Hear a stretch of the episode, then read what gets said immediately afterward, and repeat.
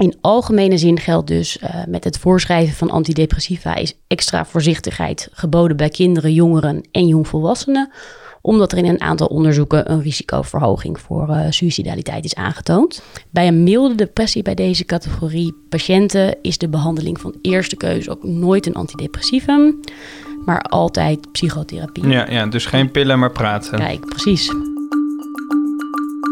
Hoi, leuk dat je luistert naar Pillen en Praten, de podcast van Psyfar. In deze podcast praten we je bij over interessante onderwerpen binnen de psychiatrie aan de hand van artikelen die verschenen zijn in de nieuwste editie van Psyfar. Ik ben Rosalien Herderschee, medisch journalist en bij mij zit Cisco van Veen, psychiater in opleiding. Hoi. Ja, voor ons ligt de eerste editie van Psyfar uit 2020, die uitgekomen is in maart. Hier zijn weer eh, allerlei interessante artikelen in te vinden en Roseline en ik hebben er allebei één uitgekozen om hier vandaag te bespreken. Dit gaan we voortaan altijd doen bij het uitkomen van de Psyfar.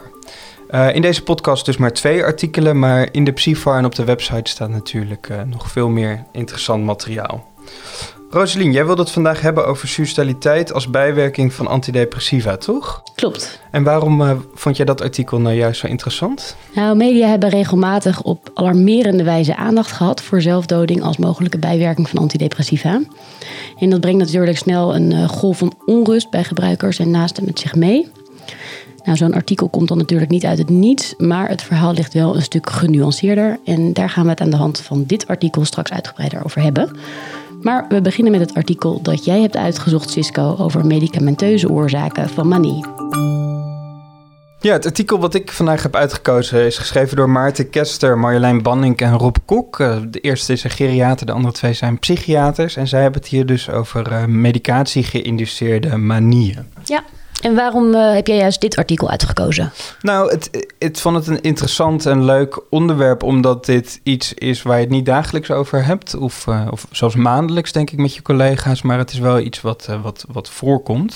Het staat zelfs netjes geclassificeerd in de DSM-5, een code die we waarschijnlijk wat minder vaak gebruiken. Daarin valt het onder de bipolaire stemmingstoornis door een somatische aandoening of middel of medicatie, weer een hele mooie DSM-classificatie. En daarin zijn de kerncriteria dus dat iemand een abnormaal verhoogde, expansieve of prikkelbare stemming heeft en een abnormaal verhoogde activiteit of energie, oftewel een manie.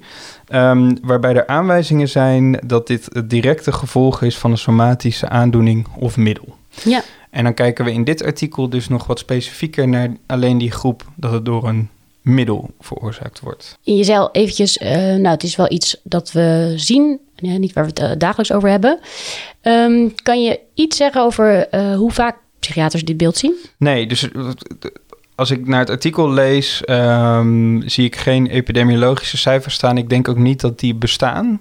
Uh, binnen bijvoorbeeld een praktijk, een psychiaterpraktijk, hoe vaak komt dit nou voor?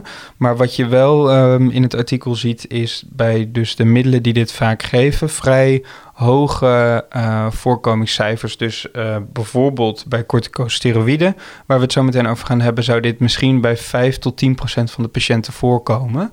Dus dat is nou, wel heel fors en echt iets waar we rekening mee moeten houden. Ja. Uh, ligt er natuurlijk aan hoe vaak je patiënten ziet die ook corticosteroïden gebruiken. En dat ligt ook denk ik weer aan je werkplek, hoe vaak je daarmee in aanraking komt. Maar nou, het komt dus wel voor. Helder, ja. En de auteurs beschrijven eerst een uh, casus voordat ze inzoomen op de verschillende medicijnen waarbij manie als mogelijke bijwerking beschreven is. Uh, wat kun je vertellen over die casus? Ja, een, een heel tekenend en beeldend uh, verhaal van een 73-jarige man die opgenomen is bij de neurochirurgie in een ziekenhuis en uh, net is geopereerd aan hersenmetastase bij een melanoom. Um, in de weken rondom die operatie krijgt deze man een waarschijnlijk raad je het al, dexamethason. Uh, dit wordt vaak gegeven om dan de druk van de tumor en het eudeem wat daaromheen uh, bestaat op de rest van de hersenen wat te verlagen. En dat geeft minder neurologische uitval en ook een betere overleving. Um, nou, twee dagen na de start van die dexamethason, uh, als je later terug kijkt, blijkt het al niet helemaal pluis. Dus patiënt uh, begint slechter te slapen en uh, zit vol met plannen. Terwijl die eigenlijk, uh, dat is nog voor de operatie, dus net voor een enorme hersenoperatie staat. Maar dan een week na de operatie um, wordt het nog erger. En um, ja, beschrijft de casus dat de patiënt zich hyper voelt en dat hij ook naar huis wil, dus een ontslagwens heeft om al zijn beleggingen gaan te beheren. En hij wil daarbij ook een nieuwe auto kopen. Nou, de psychiater heeft dat netjes besproken. Ook uh, een heteroanamnese afgenomen bij partner. Want hij moet altijd vragen van... Goh, uh, is dit nou uh, kenmerkend voor uw partner of voor uw naaste? En partner vertelt dan ook dat hij veel amicaler is dan normaal. En heel opvallend dat hij zich helemaal geen zorgen meer maakt... om die hersentumor of de zware behandeling die hij net gehad heeft. En dat, dat vond ik ook wel herkenbaar. Ja, ja, al met al voor jou een herkenbare casus dit? Ja, want uh, voor veel ziekenhuispsychiaters uh, die, die zullen wel een dergelijke casus in hun uh, hoofd hebben. dexamethason is gewoon een, een tricky middel wat, wat veel psychiatrische bijwerkingen heeft. Dus, dus met enige regelmaat kom je dit in het ziekenhuis zeker wel tegen. Um, wat, wat het dan wel ingewikkeld maakt is dat het dus vaak voor hersentumoren of andere ruimte innemende processen gegeven wordt. En die kunnen zelf ook gedragsveranderingen geven. Dus dat is vaak een flinke puzzel samen met, uh, met de neurologen. Ja. En wat, wat dit soort gevallen nog extra schrijnend maakt, is dat zeker mensen met uh, nou, hersentumoren um, erg ziek zijn, maar ook uh, vaak nou, in de laatste levensfase zitten of dat het een terminale tumor is. En juist in die gevallen wil je dat mensen niet in de war zijn of niet manisch zijn en wil je de patiënt en de familie dus nou ja, zorgen dat ze gewoon psychisch stabiel zijn in de laatste levensfase, omdat dat ook uh, erg belangrijk is. Dus er voelt een enorme druk vanuit het hele behandelteam om zo iemand snel en adequaat te helpen en weer uh, nou, psychisch stabiel te maken. Ja, ja, dat kan ik me voorstellen. En eh, hoe hebben de behandelaren in dit geval de, de puzzel gelegd? Ja, dat, dat is dus heel aardig, want dexamethason is, is bij ons vooral berucht om zijn bijwerkingen. Maar als je neurologen en neurochirurgen vraagt, die zullen je vertellen dat het een fantastisch middel is om dus die druk in, in de hersenen te verlagen. Ja, dus het is, het, is, het is niet zomaar een middel wat je kan stoppen, want dat uh, heeft gewoon heel veel uh, negatieve gevolgen.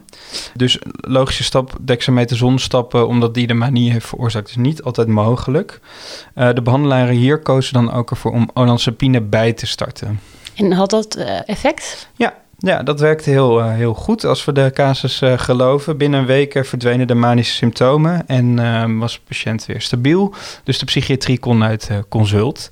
Um, we weten dus ook verder niet helaas hoe het met deze meneer dan, dan verder loopt. Maar um, goed, het is dus een voorbeeld hoe een medicijn manische symptomen kan geven en hoe je daarmee om kan gaan. Ja, en voor de auteurs was deze casus dus aanleiding om te kijken bij welke medicijnen uh, nou, kun je dat mogelijk verwachten. Mm -hmm. En hoe zijn ze uh, te werk gegaan om te kijken welke middelen dat dan zijn? Ja, de auteurs beschrijven de methode niet heel uitgebreid in het artikel, maar wat ze wel uh, zeggen is dat ze het farmacotherapeutisch kompas hebben doorgeplozen en ze halen er verschillende artikelen bij. En dan de vraag, uh, ja, bij welke medicijnen zijn ze uitgekomen? Ja, dus als je kijkt, is er een enorme groep aan medicijnen die dus ontremming of manie als bijwerking uh, kunnen hebben. En om dat een beetje te ordenen, hebben de auteurs drie groepen uitgelicht. Uh, de eerste zijn de corticosteroïden, waar dus ook dexamethason toe hoort, antiparkinsonmiddelen en antibiotica. Oké, nou dan eerst maar wat uitgebreider over die eerste groep, de corticosteroïden. Wat zeggen de auteurs daarover? Ja, dus, dus corticosteroïden, waar, waar dexamethason uit de casus ook toe behoort, uh, kan gegeven worden voor uiteenlopende oorzaken. Um, dus dit, dit kan je ook op verschillende manieren geven, maar denk hierbij ook even in de milde vorm aan de corticosteroïden inhalatiesprays die gegeven worden bij astma. Daar worden wel minder ernstige bijwerkingen uh, bij gegeven, maar ja, toch, dat, dat zullen veel van onze patiënten ook gebruiken. Um, opvallend genoeg staat manie in het kompas niet uh, genoemd als bijwerking van bijvoorbeeld dexamethason, maar wel euforie. En dat merk je eigenlijk ook in het hele artikel. En ook als je hier verder over leest, dat er heel veel verschillende woorden gebruikt worden voor, om hetzelfde te beschrijven, namelijk de verhoogde stemming die wij dus in de psychiatrie als uh, manie kennen, of hypomanie. Mm. Um, gelukkig is er wel best wel wat onderzoek gedaan naar deze bijwerkingen. Um, de auteurs noemen onderzoeken die een voorkomen van 5 tot 10 procent uh, rapporteren van psychiatrische bijwerkingen. Dus 5 tot 10 procent van alle patiënten die bijvoorbeeld uh, dexamethason krijgen, zou psychische bijwerkingen krijgen. Nou, dat is natuurlijk een containerbegrip um, waar ook depressie, delier en angstklachten onder genoemd worden, maar zelfs ook dementie bijvoorbeeld. Dus dat is um, nou ja, via bijwerkingenregistratie gegaan waarschijnlijk. Dus die cijfers uh, moeten denk ik wel met een korrel zout genomen worden, maar het is belangrijk om, om je dit te beseffen dat dus veel voorkomt. Um, ja, ontremming lijkt toch wel het meeste voor te komen. Dus, dus de wat verhoogde stemming. Um, en meestal binnen enkele dagen na de start van de therapie uh, komen deze voor. En belangrijk om uh, in je achterhoofd te houden is dat deze bijwerkingen dosisafhankelijk lijken. Dus als je hoger doseert, meer bijwerkingen. Uh, dit is klinisch relevant, want misschien hoeft er helemaal niet zo hoog gedoseerd te worden en kan je met een simpele dosisverlaging ook al de bijwerkingen nou, verminderen. Um, wat betreft behandeling, dus als er echt al bijwerkingen opgetreden zijn of iemand manisch ontremd is na de start van corticosteroïden, zijn er heel weinig studies beschikbaar. Dus daar zitten we meer op het expert opinion niveau uh, wat, wat we zouden moeten doen. Nou, zoals ik net al zei, dosisverlaging of stoppen zijn logische stappen om te nemen, maar um, er is wel wat anekdotisch bewijs dat olanzapine, lithium of valproïnezuur, uh, dus alle drie stemmingstabilisatoren, werkzaam zijn, ook bij deze uh, ge medicatie geïnduceerde manier. Um, maar ja, dus hier zitten echt niet hele grote uh, trials en, en, en superonderzoeken achter. Dus het lijkt ook, um, als je dit artikel zo leest, goed om gewoon je logisch gezond verstand te gebruiken. Uh, waarbij je heel goed naar de patiënt kijkt, goed met je collega's overlegt en ook alle specifieke klinische gegevens meeneemt. Uh, dus dat, dat lijkt me eigenlijk the way to go. En uh, netjes noemen we dat dan uh, je expert opinion gebruiken. Ja. Nou had je het net ook over anti-Parkinson-middelen naast die corticosteroïden. die kunnen dus ook manische bijwerkingen geven. Kan je daar iets meer over vertellen? Ja, dus um, de anti-Parkinson-middelen, dus die, die werken met name op uh, uh, dopamine. En daar is het eigenlijk, als we naar het brein kijken, wel logisch dat die wat ontremming uh, kunnen geven. Want dopamine is een belangrijke excitatoire neurotransmitter in ons brein. Dus ehm, ja, deze middelen kunnen dat geven. Denk je voor, hierbij dus met name aan levodopa en amantadine. Um, nou, hier is ook wel wat onderzoek naar, met name beschrijvend. En daar uh, wordt het voorkomen van deze bijwerkingen in verschillende studies uh, heel verschillend besproken.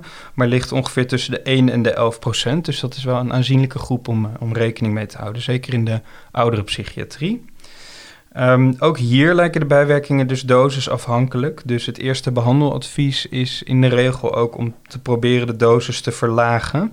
Maar ja, zeker bij mensen met Parkinson kan dat dan dus weer een toename van Parkinson-klachten geven, wat enorm uh, vervelend kan zijn en veel kwaliteit van leven kan uh, kosten. Dus dat is niet altijd een optie. Um, maar ja, hè, zoals je bij de corticosteroïden dan een stemmingstabilisator of een antipsychoticum erbij geeft, dat is bij Parkinson dan weer wat lastig, omdat, um, zoals we weten, een bijwerking van veel antipsychotica bewegingsstoornissen en extrapyramidale stoornissen is. Dus um, ja, dat, dat kan je niet zomaar starten. Er is hier nauwelijks onderzoek gedaan om, om deze keuze op te baseren. Maar het lijkt logisch uh, om als er iemand Parkinson heeft en dan dus manische klachten heeft ten gevolge van bijvoorbeeld levodopa, om dan te starten met clozapine of quetiapine. Uh, als afbouwen van de levodopa of de dopamine-agonisten geen uh, optie blijkt te zijn.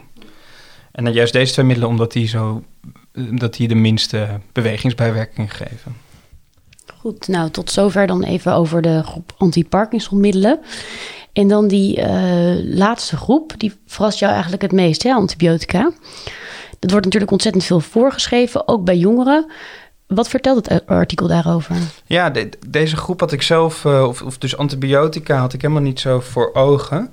Uh, het onderzoek hiervoor, als je naar deze drie groepen kijkt, is uh, volgens de auteurs ook het meest beperkt.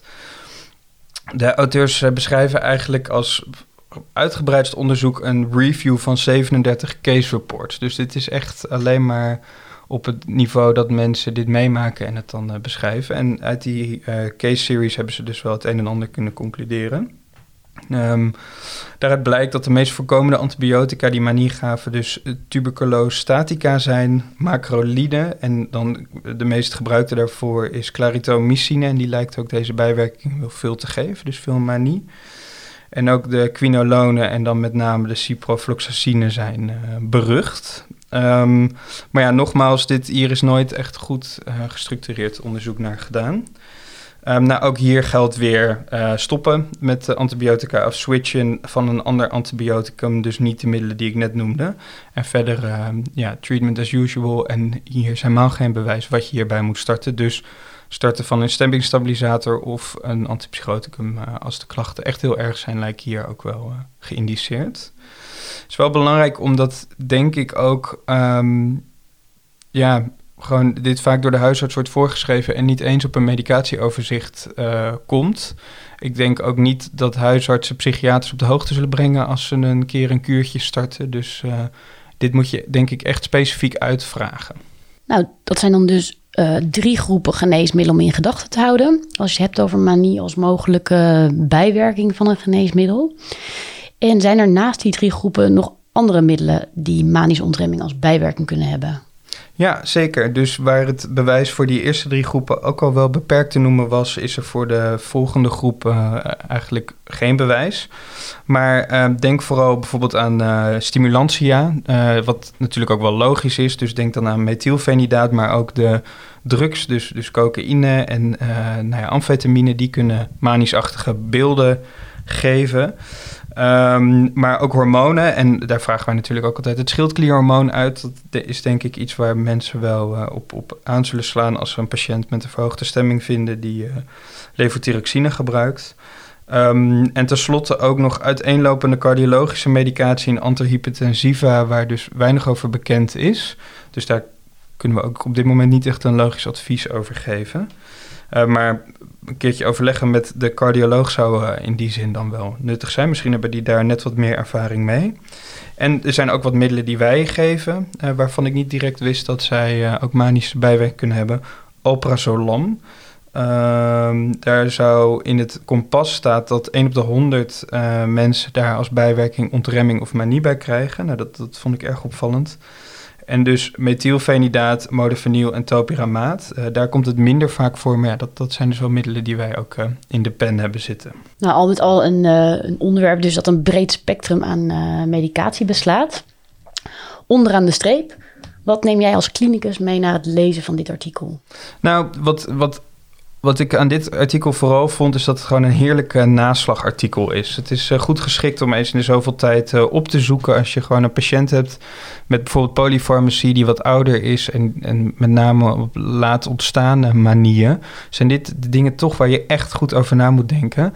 Het is, het is allemaal vrij complex, dus, dus dat allemaal onthouden wordt lastig, maar dit artikel zou je dan uh, er goed eens bij kunnen pakken. Um, ziekenhuispsychiaters zullen het waarschijnlijk ook wel met enige regelmaat meemaken dat, dat dit voorhanden komt en dat, dat ze hierover na moeten denken. Maar ik denk ook wel buiten het ziekenhuis, uh, in de GGZ werkende psychiaters doen er goed aan om, uh, om, om ook de medicamenteuze oorzaken van manieën uh, mee te nemen. Dus denk hierbij aan oudere patiënten bij de crisisdienst bijvoorbeeld. Um, maar ja, binnen de psychiatrische patiëntenpopulatie zien we natuurlijk ook steeds meer uh, interesse voor de somatische comorbiditeit. Er is gewoon veel polyfarmacie. En um, ja, dus, dus een goed medicatieoverzicht uitvragen, bijvoorbeeld, of opvragen bij de apotheker bij een manische crisis, lijkt toch echt wel ook uh, de moeite waard als je dit artikel zo leest. En dus voor mijzelf was manie bij antibiotica uh, nieuw. Um, ja, dit wordt dus ook wel veel voorgeschreven aan jongeren. En uh, nou ja, dat zijn korte kuurtjes, dus dat heb je niet altijd scherp. Um, dus ik denk dat ik dat wat vaker nu ook expliciet ga uitvragen. Um, bij als je gewoon de medicatie uitvraagt, vraagt van goh, gebruik je nog antibiotica? Helder.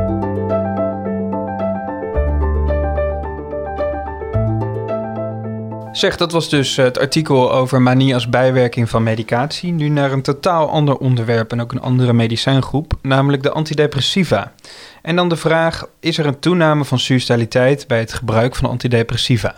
Ja, dat is de titel van het artikel dat Suzanne Detert Oude Wemen, ziekenhuisapotheker in opleiding, heeft geschreven samen met Masja Groothede Kuivenhoven, apotheker psychiatrie en ziekenhuisapotheker Hans Mulder. De auteurs van dit artikel hebben de laatste stand van wetenschap grondig doorgelicht om tot evidence-based aanbevelingen te komen. En was er eigenlijk een specifieke aanleiding voor dit artikel? Het is een update van een zorgstandaard, een uh, generieke module, zo schrijven de auteurs, waarin bijwerkingen van psychofarmaca worden beschreven. En nu gaat het dus om bijwerkingen van antidepressiva en specifiek over suicidaliteit als bijwerking. Ja, heel mooi. Belangrijk, want ook veel in het nieuws geweest de afgelopen jaren met soms wat alarmerende koppen. Dus goed dat hier eens uh, echt diep op ingegaan uh, wordt. Hoe, hoe hebben ze dat gedaan, deze werkgroep? Ja, er is dus een, een werkgroep uh, opgezet, bestaande uit de auteurs en nog uh, tien anderen. En deze heeft het onderwerp suicidaliteit als bijwerking van antidepressiva bestempeld als uh, search prioriteit. Heel goed.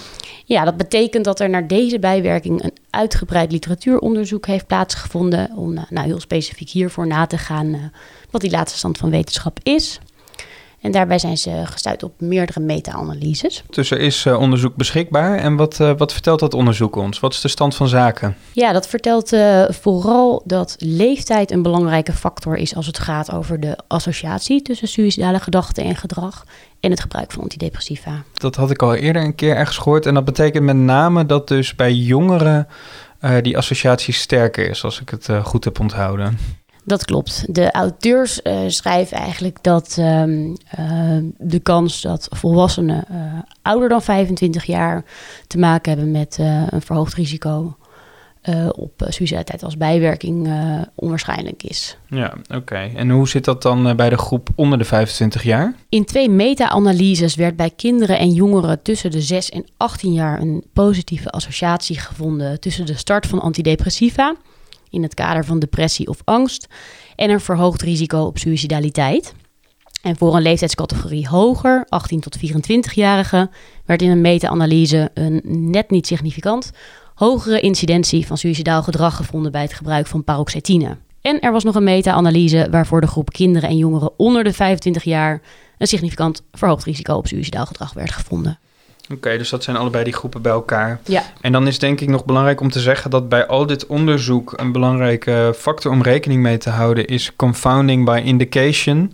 Wat eigenlijk een ingewikkeld woord is uh, voor in dit geval het volgende.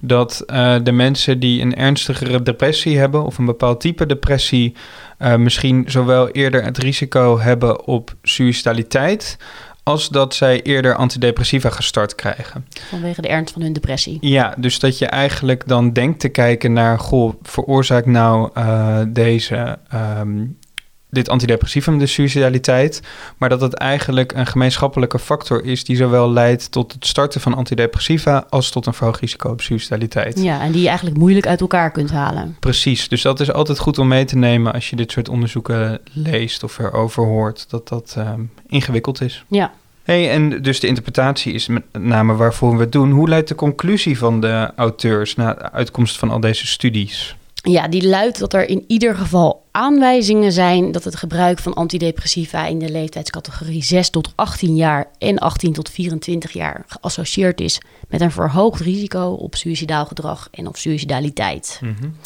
Maar dat geldt dus niet voor de groep boven de 25 jaar. Uh, sterker nog, uit sommige onderzoeken is zelfs uh, gebleken dat antidepressiva bij deze leeftijdsgroep mogelijk een beschermend effect hebben. Ja, ja. En, en wanneer zou die suicidaliteit dan optreden? Ja, je moet met name alert zijn uh, direct na het starten van de medicatie.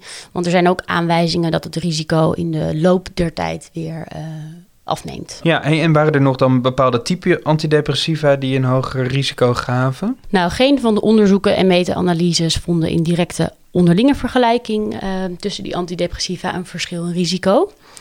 Uh, vergeleken met placebo werden wel verschillen in risicoverhoging gevonden. En die worden per leeftijdscategorie en uh, per middel beschreven in het, okay. uh, in het stuk. Oké, okay, dus die staan uitgebreid daar beschreven. Een klein tipje van de sluier. Als ik voor een jongere een antidepressiva moet starten, waar, waar, wat moet ik dan vooral niet doen? nou, vooral, of liever niet, paroxetine en venlafaxine. Ja, en welke is wel, um, als het moet... Ja, de richtlijn adviseert dan om, om te starten met uh, fluoxetine Ja. in uh, zo laag mogelijke dosering. Ja, oké. oké. Maar dat is dus eigenlijk alleen maar als je niet anders kan. Ja. Hey, ehm, dus een omvangrijk literatuuronderzoek, een werkgroep die hier uitgebreid over heeft nagedacht. Um, wat zijn de aanbevelingen voor de dagelijkse praktijk? Eh, ze doen aanbevelingen op, eh, op drie gebieden. Ehm, de eerste is dan preventie. En de tweede het gebied van behandeling. En uh, derde monitoring. En die zijn nou, per categorie helder opgesomd in het stuk. jij hebt er ook al eventjes naar kunnen kijken. Wat vond jij vooral um, klinisch belangrijke boodschap? Ja, dus veel, veel van de uh, adviezen waren logisch en, en ook in de bredere zin dat het gewoon over goede zorg ging. Dus die staan, staan daar netjes opgezomd.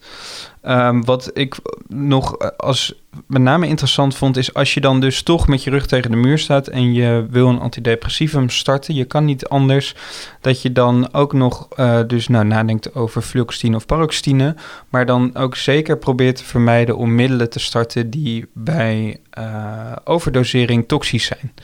Dus uh, we weten dat veel mensen die suïcidepogingen doen, dat doen door te veel medicatie in te nemen. En als dan gevaarlijke middelen snel voorhanden zijn, kan dat sneller gevaarlijk worden. Denk dan vooral aan venlafaxine, een middel wat veel voorgeschreven wordt, maar ook TCA's en mouwremmers zijn uh, bij overdosering gevaarlijk. Dus als je dan toch start, uh, probeer deze middelen te vermijden. Oké. Nou, in het artikel zijn uiteraard meer details te vinden. Uh, dus die lees je in, in Psyfar. In algemene zin geldt dus met het voorschrijven van antidepressiva is extra voorzichtigheid geboden bij kinderen, jongeren en jongvolwassenen, omdat er in een aantal onderzoeken een risicoverhoging voor uh, suicidaliteit is aangetoond. Bij een milde depressie bij deze categorie patiënten is de behandeling van eerste keus nooit een antidepressivum, maar altijd psychotherapie. Heel mooi, dus geen pillen, maar praten. nee. Inderdaad. En als er in het kader van een ernstige depressie dan toch gestart wordt met een antidepressivum, dan in zo laag mogelijke dosering. Hm, hm, heel goed. Zo, dat was hem. De eerste echte pillen en praten podcast. Cisco, wat heb jij vooral geleerd vandaag? Nou, voor mij uh, dus de belangrijkste les uit het artikel over uh, manie bij uh, veroorzaakt door medicatie, dat toch drie groepen belangrijk zijn om in gedachten te houden: de corticosteroïden, de antiparkinsonmiddelen en de antibiotica. Um, het gaat mij waarschijnlijk niet lukken om alle individuele middelen goed te onthouden, maar wat ik dus wel ga onthouden is dat zeker bij oudere patiënten die opeens manisch worden, je echt aan de medicatie moet denken. Uh, en dan even goed met de apotheker moet overleggen of in het farmacotherapeutisch kompas moet kijken. Omdat je daar dan toch rekening mee houdt. En jij, Rosalien, wat, wat is jouw belangrijkste boodschap uit jouw artikel? Ja, die belangrijkste boodschap is toch wel dat als je specifiek kijkt naar suicidaliteit als mogelijke bijwerking van antidepressiva, dat leeftijd dan een uh, belangrijke factor is om in gedachten te houden. En mensen onder de 25 jaar die starten met antidepressiva hebben een enigszins verhoogd risico op, uh, op suicidaliteit. Ja, heel goed. Oppassen geblazen dus. Hey, dit waren de artikelen die wij interessant vonden, maar in de Psyfar staan natuurlijk nog veel andere stukken. Daar heb jij ook even nog naar gekeken. Wat, wat vond jij interessant? Nou, wat mij opviel was een mooi interview met uh, Erik Rué, psychiater en onderzoeker in het Radboud UMC Nijmegen over zijn visie op hoe wel en hoe niet te communiceren over het afbouwen van antidepressiva. Ja, ja heel belangrijk. Een hot topic uh, ook natuurlijk. En ik vond dat er ook nog een prachtig overzichtsartikel staat over de cardiovasculair risicomanagement bij psychiatrische patiënten. Dat is uh, door Melissa Crispijn geschreven, die hier ook veel onderzoek naar doet. Ook een belangrijk thema waar we echt een enorme inhaalslag hebben te maken als psychiatrie. Dus um, goed om na te lezen. Ja, wij zijn gekomen bij het einde van deze aflevering van Pillen en Praten, de podcast van Psyfar. En we horen natuurlijk graag wat jullie van deze podcast vinden. Dit kan via het platform waarop je deze podcast luistert, maar ook via podcast.psyfar.nl. En je kan ons helpen door deze podcast een beoordeling te geven. Dat helpt ook anderen weer om hem te vinden. Voor nu is dit hem. Tot de volgende Psyfar. Tot de volgende keer.